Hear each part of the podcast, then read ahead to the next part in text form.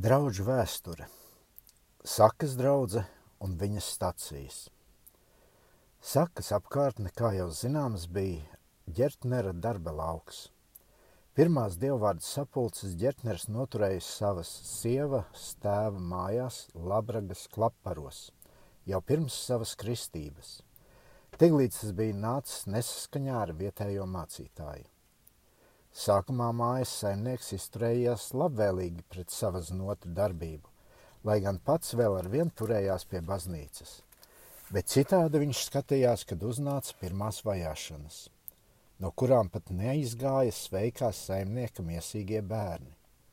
To tēvs neizturēja, un pret jauno ticību tā sašuta, ka aizliedza turpmākas sapulces noturēt savās mājās.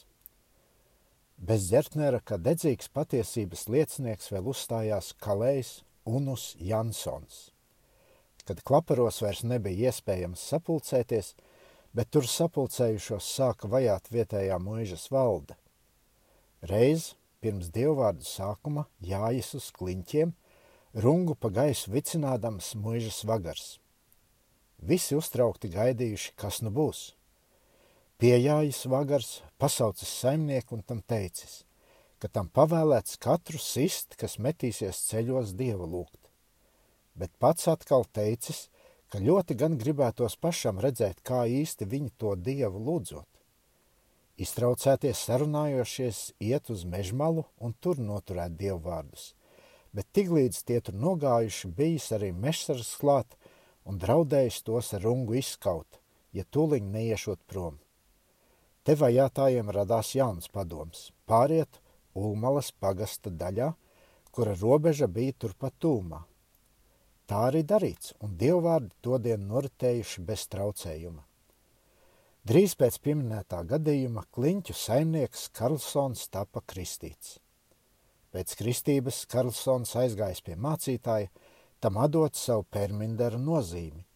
Mācītājs tam pārmetis, ka viņš, kas spīdējis draudzē kā saule, tagad pārgājis mukuros. Bijušais permenderis uz to atbildējis, kā arī mācītājiem nākas spīdēt un ceļu rādīt, bet viņš, Karlsons, nesot varējis šajā gaismā saredzēt savu dzīves ceļu. Arī muškungs drīz pēc kristības sastapis Karlsonu un tam teicis, ka tas jaunajā ticībā nevarēšot ilgi pastāvēt, jo pagasta tiesnesis būdams – tas nevarēšot ar vien būt taisns spriedumos. Tā piemēram, kā gan viņš, Karlsons, varēšot spriest muižai par skādi. Pagasta tiesnesis atbildējis, ka to darīšot gan. Pēc dažām nedēļām tas pats muižkungs muižas uzdevumā sūdzējis divus muižas gājējus.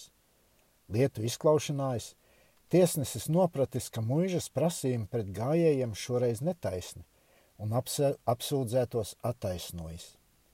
Muškungs aizgājis, ne vārdu nesacījis. Kad vajāšana dēļ vairs nebija iespējams kliņķu mājās noturēt dievvvārdus, tad sapulcējās te vienās, te otrās mājās, gan ulmales piņķu mājās, gan upes mužas klienu un poļu mājās. Pilstiesa gan vairākas reizes noteikusi, ka sapulcēties nav brīvi, bet tas tomēr maz līdzējis un sapulces turpinājušās. Reiz kādā no šīm sapulcēm poļu mājās ienāca no mācītāja sūtīts pagasta priekšnieks dažu vīru pavadībā, sasēja saimnieku un sludinātāju Mārtiņu Bērziņu un tos aizveda uz mūžu. Bet nonācis mūžā, dūšīgais priekšnieks palika kaunā, jo vietējais barons von Bordelius – pavēlējis saistītos palaist un izbāris pakalpīgo priekšnieku, ka tas iedrošinājies viņa saimnieku tā vajāt. Pagasta priekšnieks gan atsaucies uz mācītāju aizrādījumu, bet tas maz ko līdzējis. Šī notikuma dēļ barons pats sanācis strīdā ar mācītāju, bet beidzot tomēr mācītājam izdevies baronu pierunāt, ka jaunā ticība esot bīstama un tādēļ apspiežama. Pateicoties šādiem uzskatiem, Pagastiesa piesprieda poļu saimniekam divas dienas cietumu. Ciešot uzlikto sodu, upes mūžas cietumā, brālis Grīnis jutis sirdī tādu prieku, ka varējis tāpat kā Pāvils un Sīlas cietumā dziedāt. Bet ar to vajātāji nekā nepanāca, sapulces arvien turpinājās. Daudzreiz istaba bijusi tik pārpildīta, ka sapulces vadonis nav vairs ticis pa durvīm iekšā, bet tam bijis pa logu jāiekāpj istabā. Kad cietuma sots nelīdzēja, tad tiesa piesprieda maksāt sodu naudas. Pirmo reizi divus rubļus, otro reizi četrus rubļus, trešo reizi sešus rubļus. Kad brālis Grīnis, poļu mājas saimnieks, sodu naudu nemaksāja, tad tiesa nolēma, lai iedzītu sodu naudu, pārdot vairāk solīšanā poļu saimniekam piederīgos ratus. Bet tā kā pēdējo vērtības stipri pārspēja nospriesto naudas, naudas sodu, tad piesprieda pārdot tikai ratu vienu pusi, priekšasi ar riteņiem. Poļos sapulces noturētas līdz pat 1864. gada rudenim, bet, kad vajāšanas nemitējās un sodi arvien atkārtojās, sakas ticīgie nolēma savas sapulces noturēt ārpus sava pagasta robežām. Šim nolūkam kāds ulmalis saimnieks, Jorens Grīns, pats gan luteru, luterietis, tomēr dievbijīgs vīrs atvēlēja savā, savu mežā atrodošos pļāvu. Tur sapulcs noturēja uz kāda kokiem apauguša pakalna, suveja kalvas. Šie patiesības meklētāji jutās droši, jo Ulmales kungs nepiegriezis vērī, vērības jaunajai ticībai. Šīs meža sapulces noturētas līdz tā paša gada rudenim. Kad sācis palikt augsts, ļaudis runājuši, redzēs, ko gan viņi darīs, kad iestāsies ziema bet tā paša gada septembra mēnesī Gertners ticis izlaists no aizputes cietumā ar atļauju sludināt un kristīt. Tūliņ pirmā svētdienā noturēts sapulce Labragas klaparos, kur arī notikusi kristība. Pēc tam sapulces noturētas pa lielākai daļai poļu mājās. Lai gan Gertners bija izlaists no cietuma, pamatojoties uz senāta izskaidrojumu, Viņš nav sodāms ne sludināšanas, ne kristīšanas dēļ, jo ģertners to nedara ar nolūku, lai pretotos valdībai, bet zīts no savas pārliecības. Tomēr vietējā valdība caur garīdzniecību uzkūdīta atrada par iespējamu ģertneri ielikt aizputes cietumā un beidzot aizsūtīt uz kuldīgu, kā uz viņa piedarības vietu, kur tas tika nolikt zem policijas ciešas uzraudzības.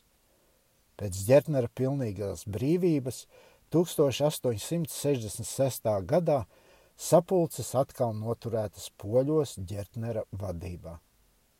Tūliņ pēc pirmās sapulces barons atsaucis saimnieku uz muižu un tam bargi uzbrucis, ka viņš atkal iedrošinājies uzņemt savās mājās aizliegtas sapulces, bet, kad poļu saimnieks rādījis baronam augstās valdības brīvības rakstu, izdo, izdotu viņu mācītājam Gertnerim, barons tapis ārkārtīgi laipns un teicis, ka viņam jau nekā pretī nesot, tikai mācītājs un konsistorija šim miera nedodot.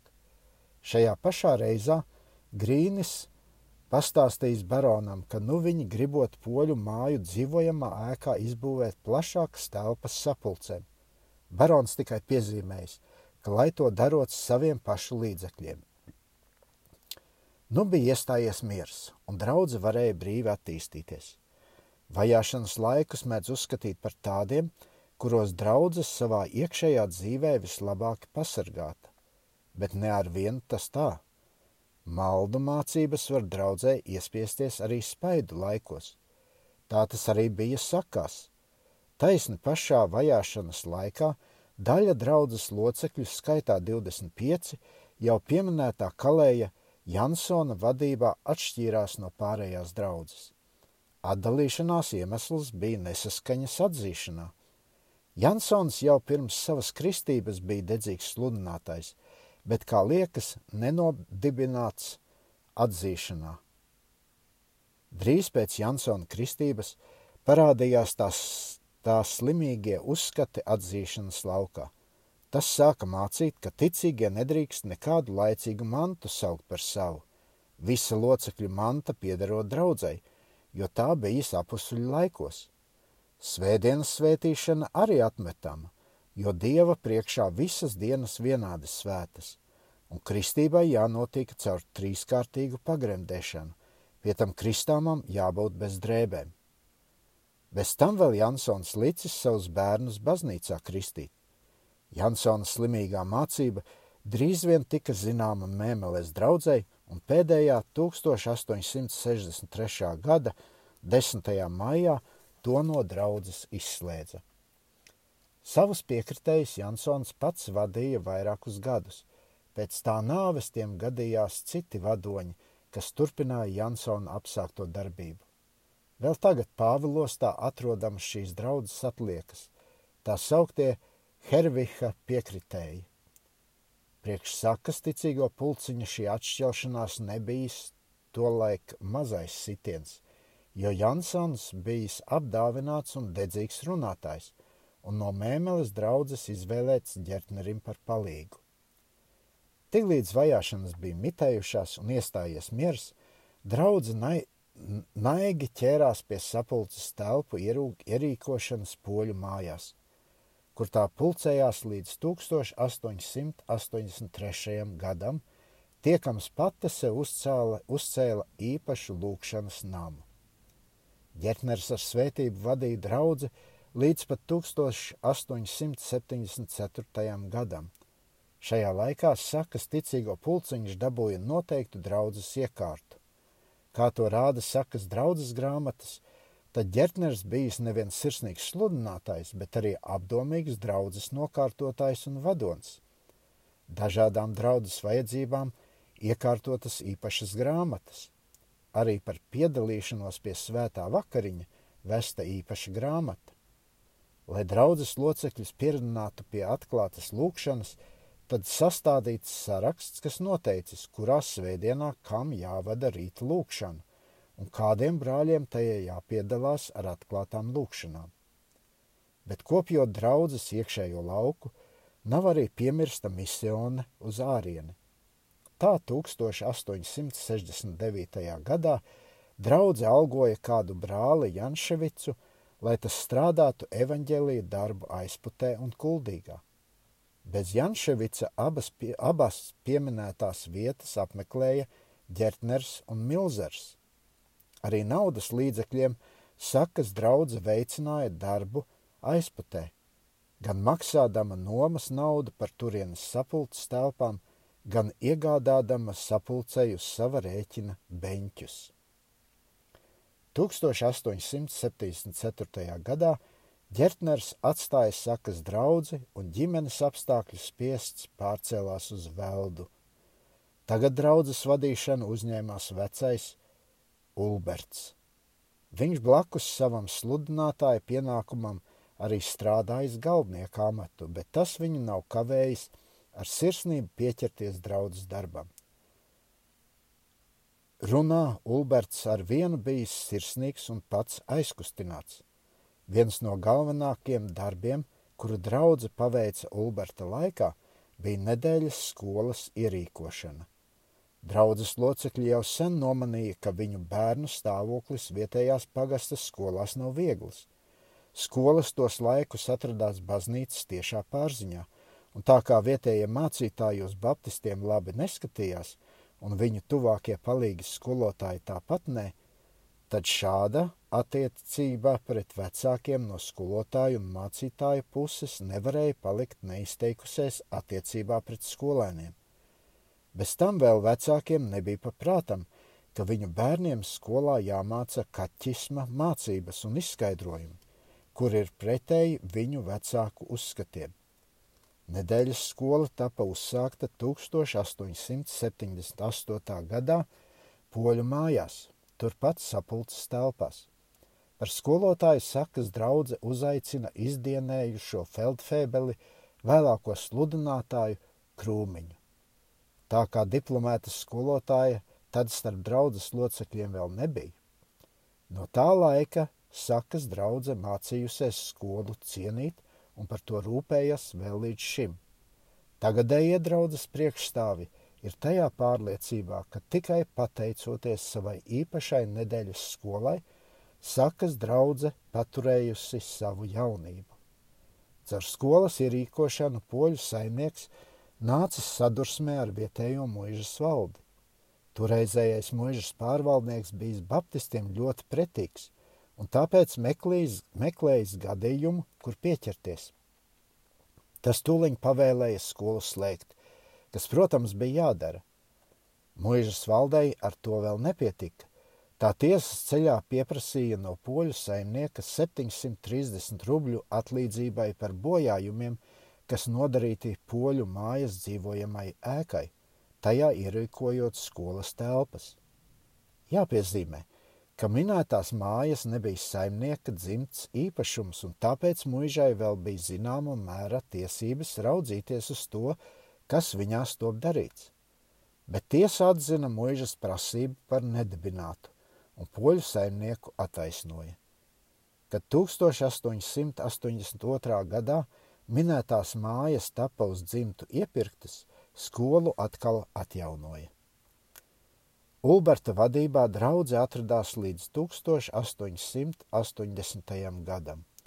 Pēc viņa aiziešanas sakas draudze uz sabiedrības priekšnieka Jēkaba Rumberga aizrādījuma – uzaicināja sev par priekšnieku Ziras draudzes sludinātāju Eglīti.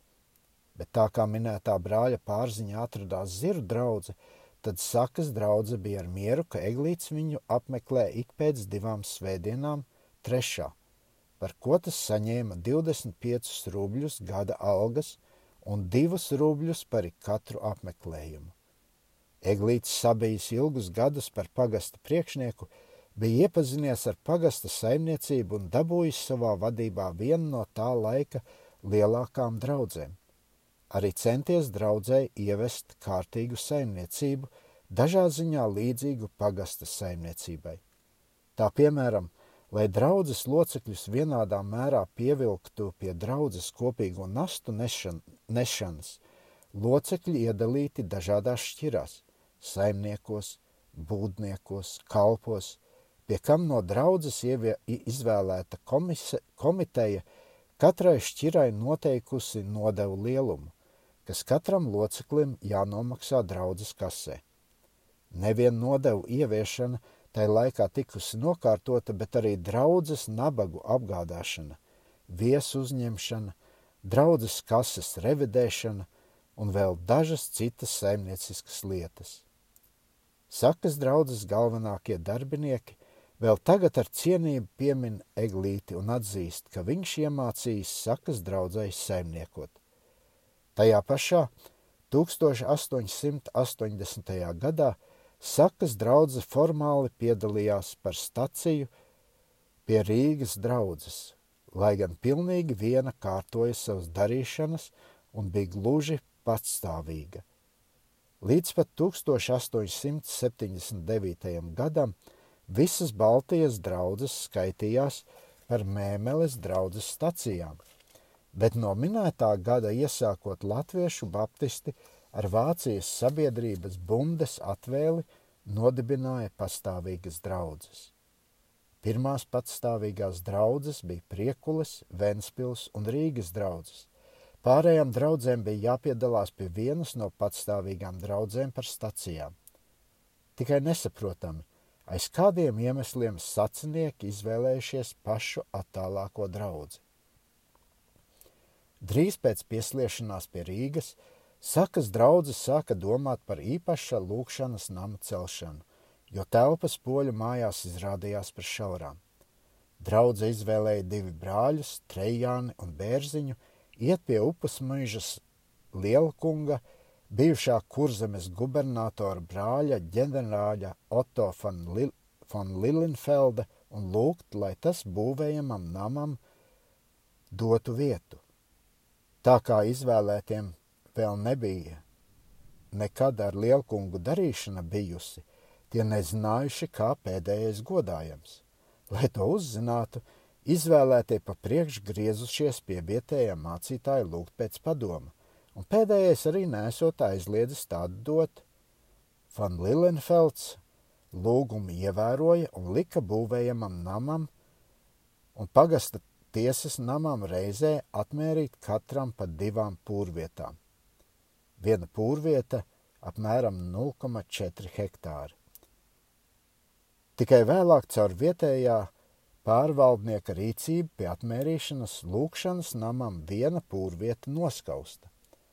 Dabūjuši īpašu zemes gabalu, pie tam vēl ļoti izdevīgā vietā paša lielceļa malā, sacinieki ar prieku ķērās pie darba gan būvēja vajadzīgo materiālu piegādādami, gan paši to dāvinādami, gan strādī, strādādami pie būves. Bet pašā darba drudzī katras draudzēji iznāca sadursme ar Rīgas draudzi, sevišķi tās priekšnieku Jēkabu Rumberģi, caur ko draudze tikko nezaudēja savu priekšnieku būves darbu galveno ierosinātāju un vadītāju. Rīgas draudzes priekšnieks Rumbergs kas arī bija Kurzemes un Vidzemes Baptistu draugu sabiedrības priekšnieks, līdz ar 1880. gadu sāka izdot nedēļas laikrakstu Evanģēlists. Pirms laikraksta parādīšanās atklātībā Rumbergs lika priekšā draugu sūtņiem gada sapulcē jeb konferencē, lai nāk viņam palīgā pie laikraksta izdošanas, vai arī lai sabiedrība laikrakstu par savu patur. Konferences spriedums šai lietā skanēja, lai redaktors pats to lapu patur, pie tam sākumā trūkstošos līdzekļus, lai sabiedrība pasniedz uz atlīdzināšanu. Piezīmējums. Ja tā lapa cauri Kristu, tad sabiedrība nevar atlīdzināšanu paģērēt. Pēc pirmā gada evaņģēlists jau bija iestidzis parādos.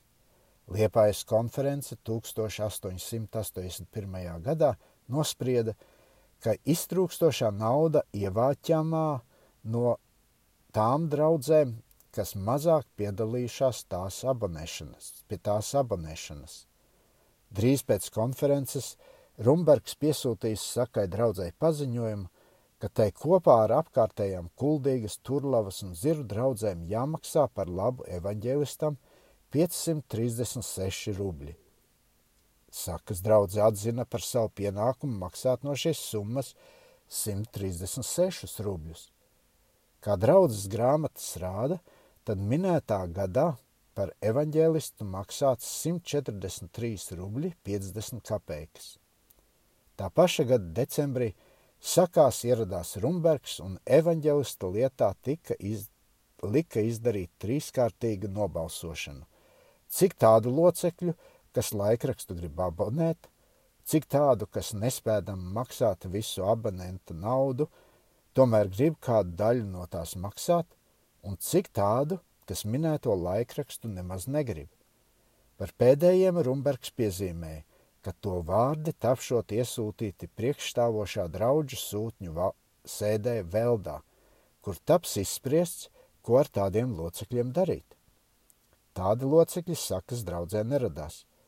Vēlāk Rumbergs piesūtīja sakas draudzē vairākus rakstiskus skubinājumus uz evaņģēlista ņemšanu, un kādā no tiem ir teikts, ka tas, kas neabonē, ir pats sevi no draudzes izslēdzis.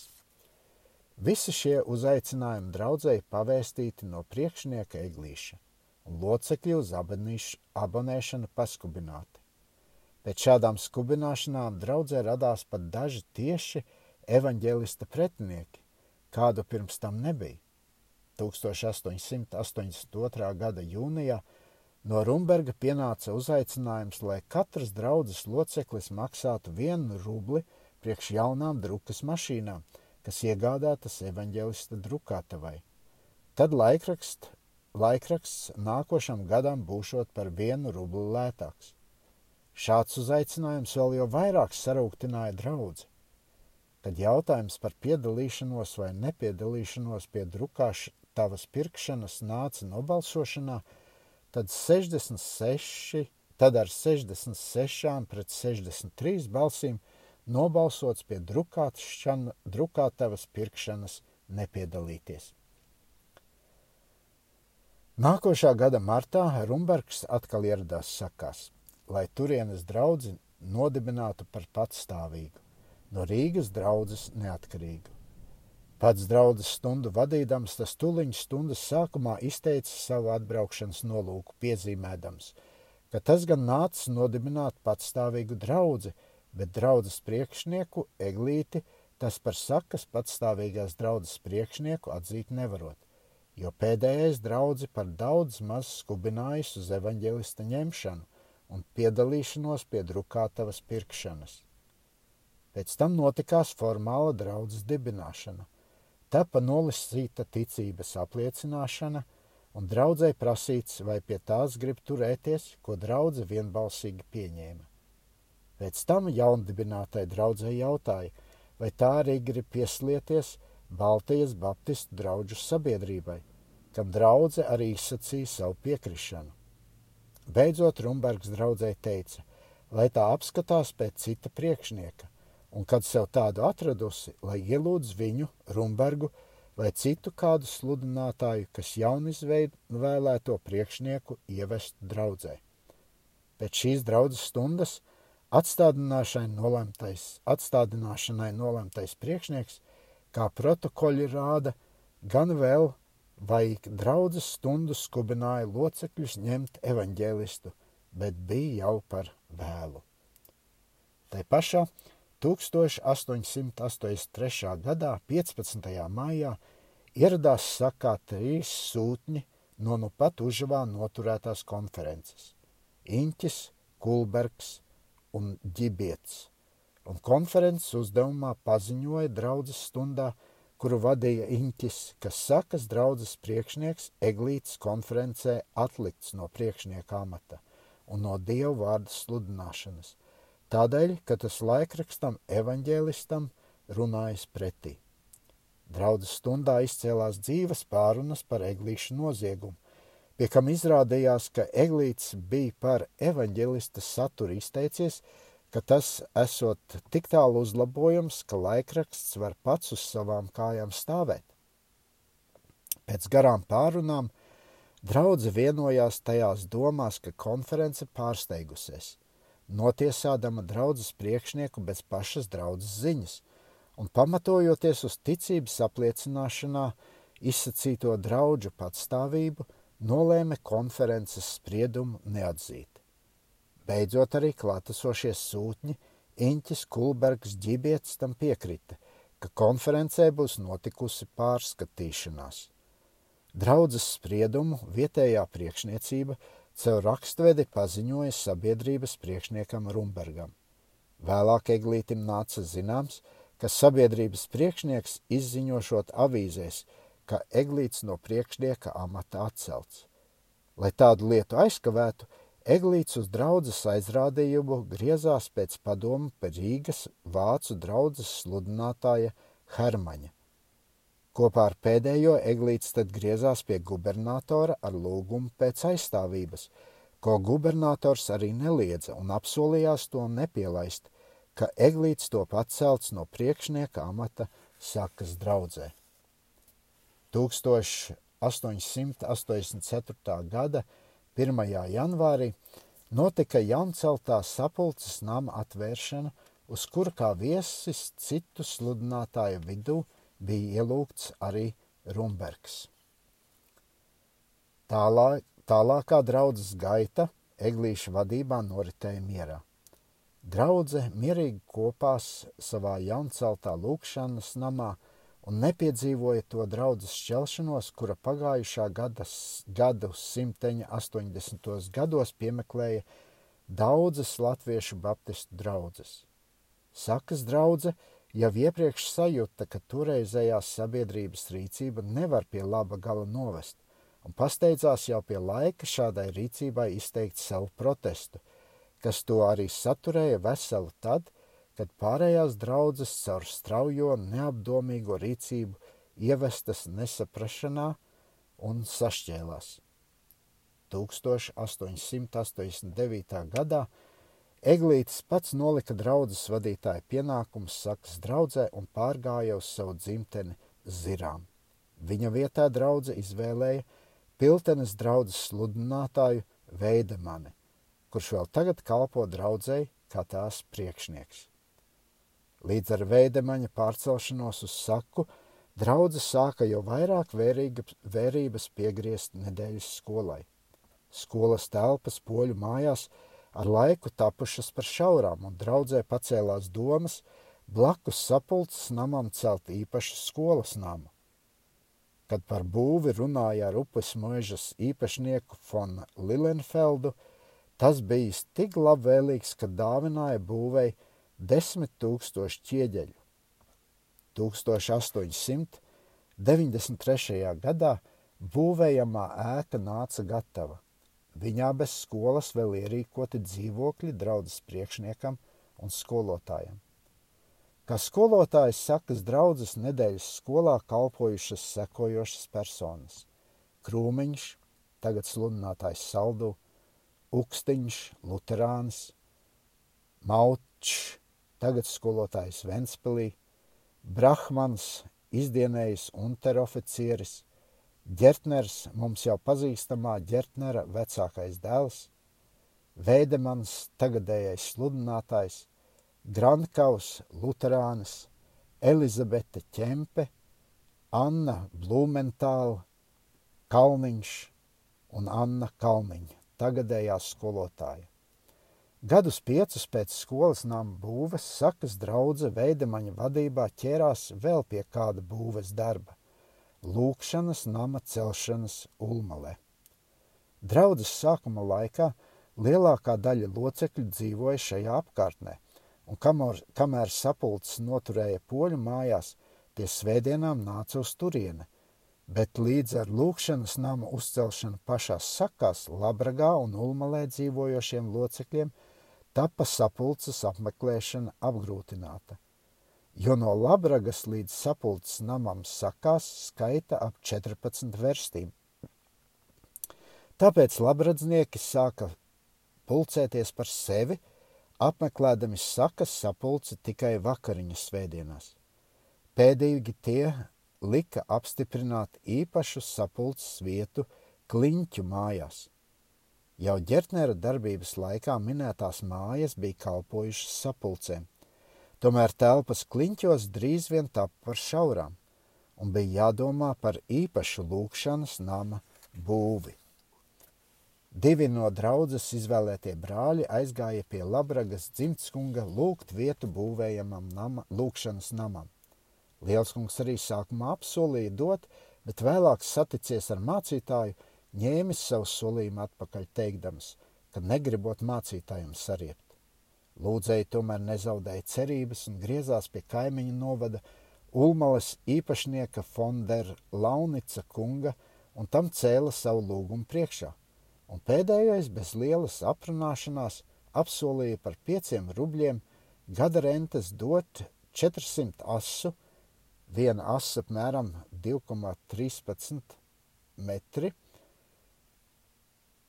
Šāds līgums ar Fonderu Launica kungu nodrošināts ar kontraktu uz 60 gadiem.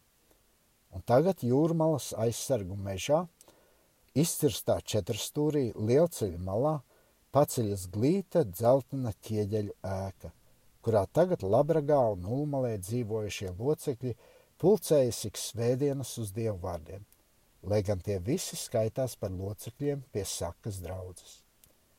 Nav vispār parasta parādība pie mūsu draugiem, ka locekļu pulciņš, kas dzīvo gandrīz trīs jūdzes atstatu no galvenās draudzes un kuram pašam savs sapulces nams, vēl uzturētu sakarus ar savu mātes draugu. Pie tam ir pie Ulmalē un Labragā dzīvojošiem locekļiem. Nemazums pie šī labā sakara ar mātes draugu piestrādājis draudzes darbinieks Strautiņš – kas ar nesautīgu mīlestību kalpo Ulmalē un Labragā dzīvojošam locekļu pulciņam gan kā sludinātājs, gan arī kā kora vadonis. 1900. gadā Sakas draudze uzcēla trešo lūkšanas namu Pāvilostā, jeb tā sauktā Āģgalā.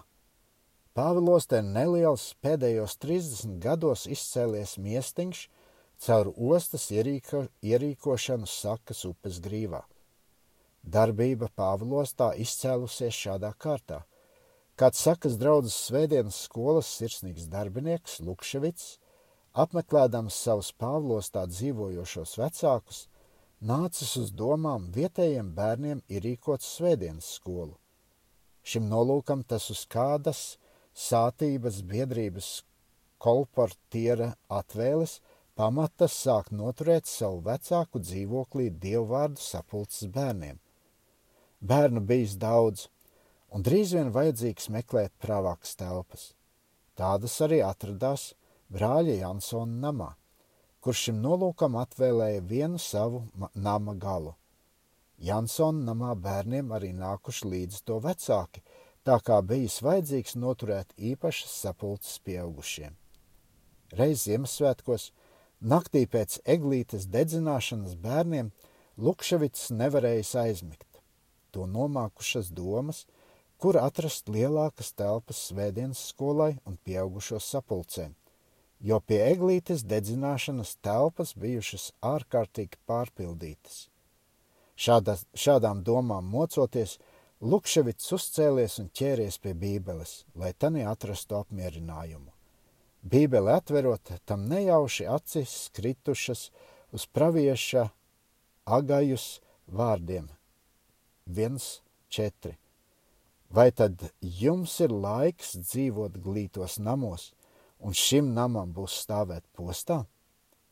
Šos vārdus lasīdams, Lukševits dabūjis iedvesmu lasīt visu nodaļu. Lasītais vārds viņā pamodinājis domas, ka Pāvilostā būtu ceļams īpašs sapulces nams. Lūkšanā šīs domas nostiprinājušās, un Lukševits dabūjis drošību pastāstīt savu dvēseles piedzīvojumu dažiem brāļiem. Lukševica domas pēdējiem tā patikušas, ka tie noklausījušies viņa stāstu, ar siltu sirdi sākuši tūliņš solīt naudu būvei. Divi no sakas draudzes priekšniecības brāļiem aizgāja pie upes muiža kunga von Lilenfelda, kam arī piedara Pāvilostas miestiņa gruntes – lai izlūgtu vietu lūkšanas nama būvei. Tā kā miestiņam atmērētie grunts gabali bija visi izrentēti, tad Lielskungs licis atmērīt ārpus miestiņa 800 kvadrātasu priekš lūkšanas nama būves. Bez grunts būvgruntas von Lilenfelds vēl dāvinājis 100 rubļu materiāla pirkšanai. Tas bijis kā jauna eļļa ugunī.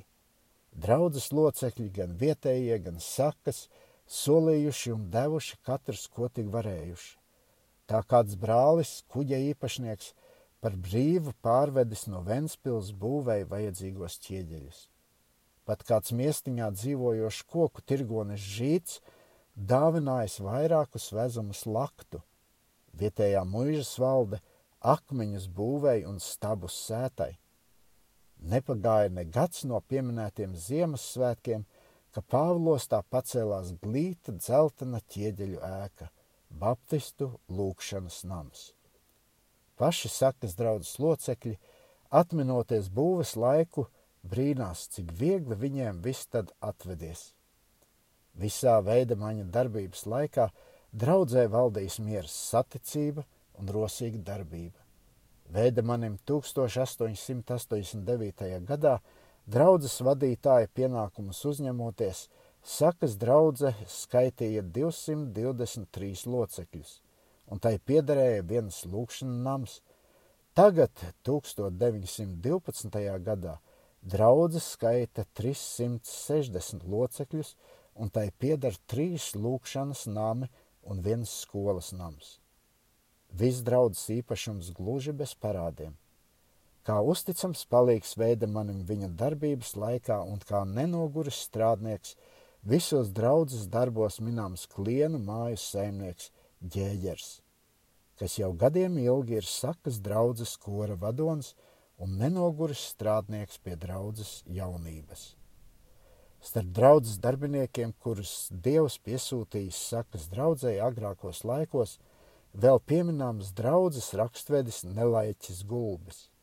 Minētais brālis, kurš arī piedzīvojis pašu draudzes sākumu, ilgus gadus kalpodams draudzes rakstveža amatā, juties spiests rūpēties arī par to, lai tas, ko draudze piedzīvojusi savā sākumā, kā arī tālākā gaitā, taptu uzglabāts vēlākām paudzēm. Šā nolūka dēļ Gulbis vedis sevišķu vēstures grāmatu, kurā atzīmēti visi svarīgākie notikumi draudzes dzīvē.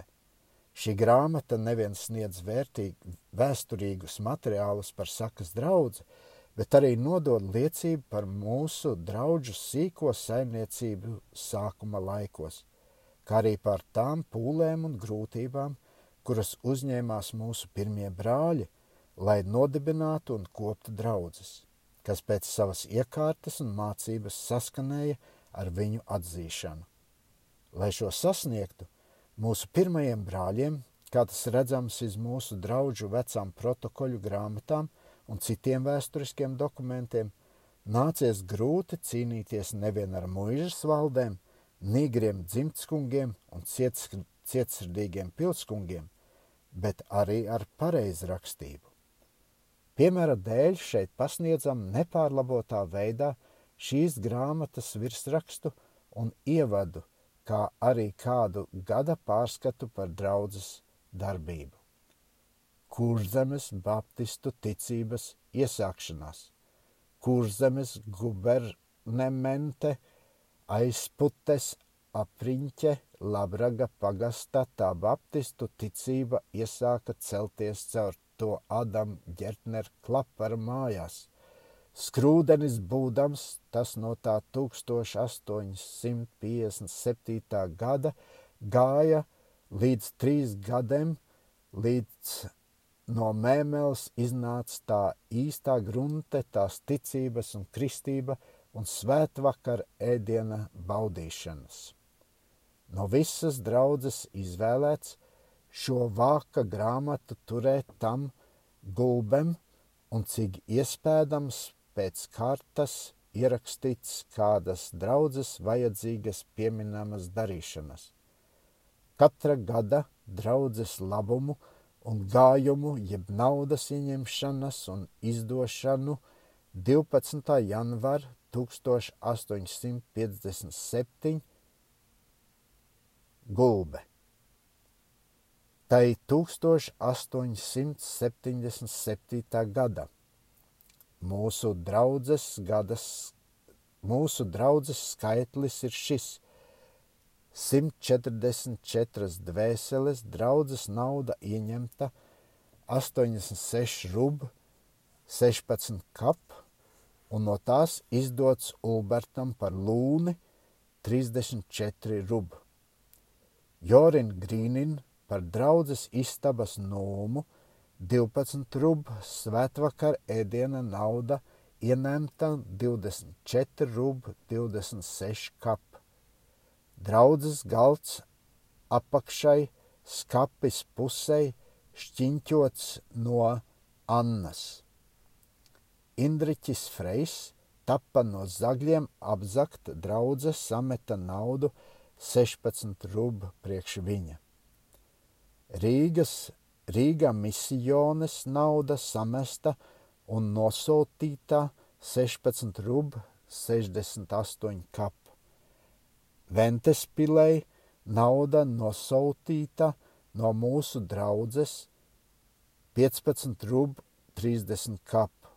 Vēl trīs nūšu grāmatas ir par višām četras nūšu grāmatas draudze pierkusi par draudzes naudu, trīs pāri galda naži un gapeles, un trīs kapējas krūžas. Draudzēji pieder tā bībele un tas galdiņš, kur bībeli uzliek svētdienas iekš dieva kalpušanas, un tā maza puķaine šūdrāna, kas uz tā galdiņu top klāta divu glāža lukturi, kur sveci var uz galda likt, viena liela lampa pie griestiem kabināma, viens apaļš bleķu šienas lukturis.